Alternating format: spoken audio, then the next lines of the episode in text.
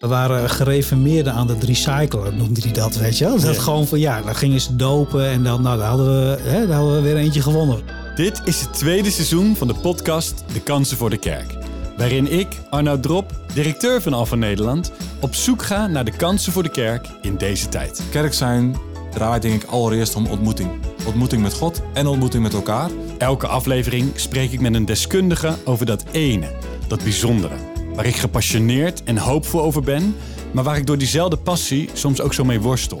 De kerk. Ik denk dat kerken eigenlijk wel een beetje conservatief zijn geworden wat dat betreft in het adopteren van nieuwe technieken. Wat gaaf dat je deze zoektocht verder wilt volgen.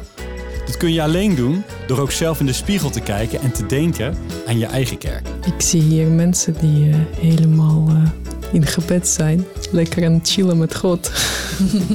dat is heel mooi. De tijd is niet stil blijven staan. Net als de ontwikkelingen in en rondom de kerk. Wat kunnen we leren van het toen, nu en straks? Ontdek het zelf vanaf 27 juni in het tweede seizoen van De Kansen voor de Kerk.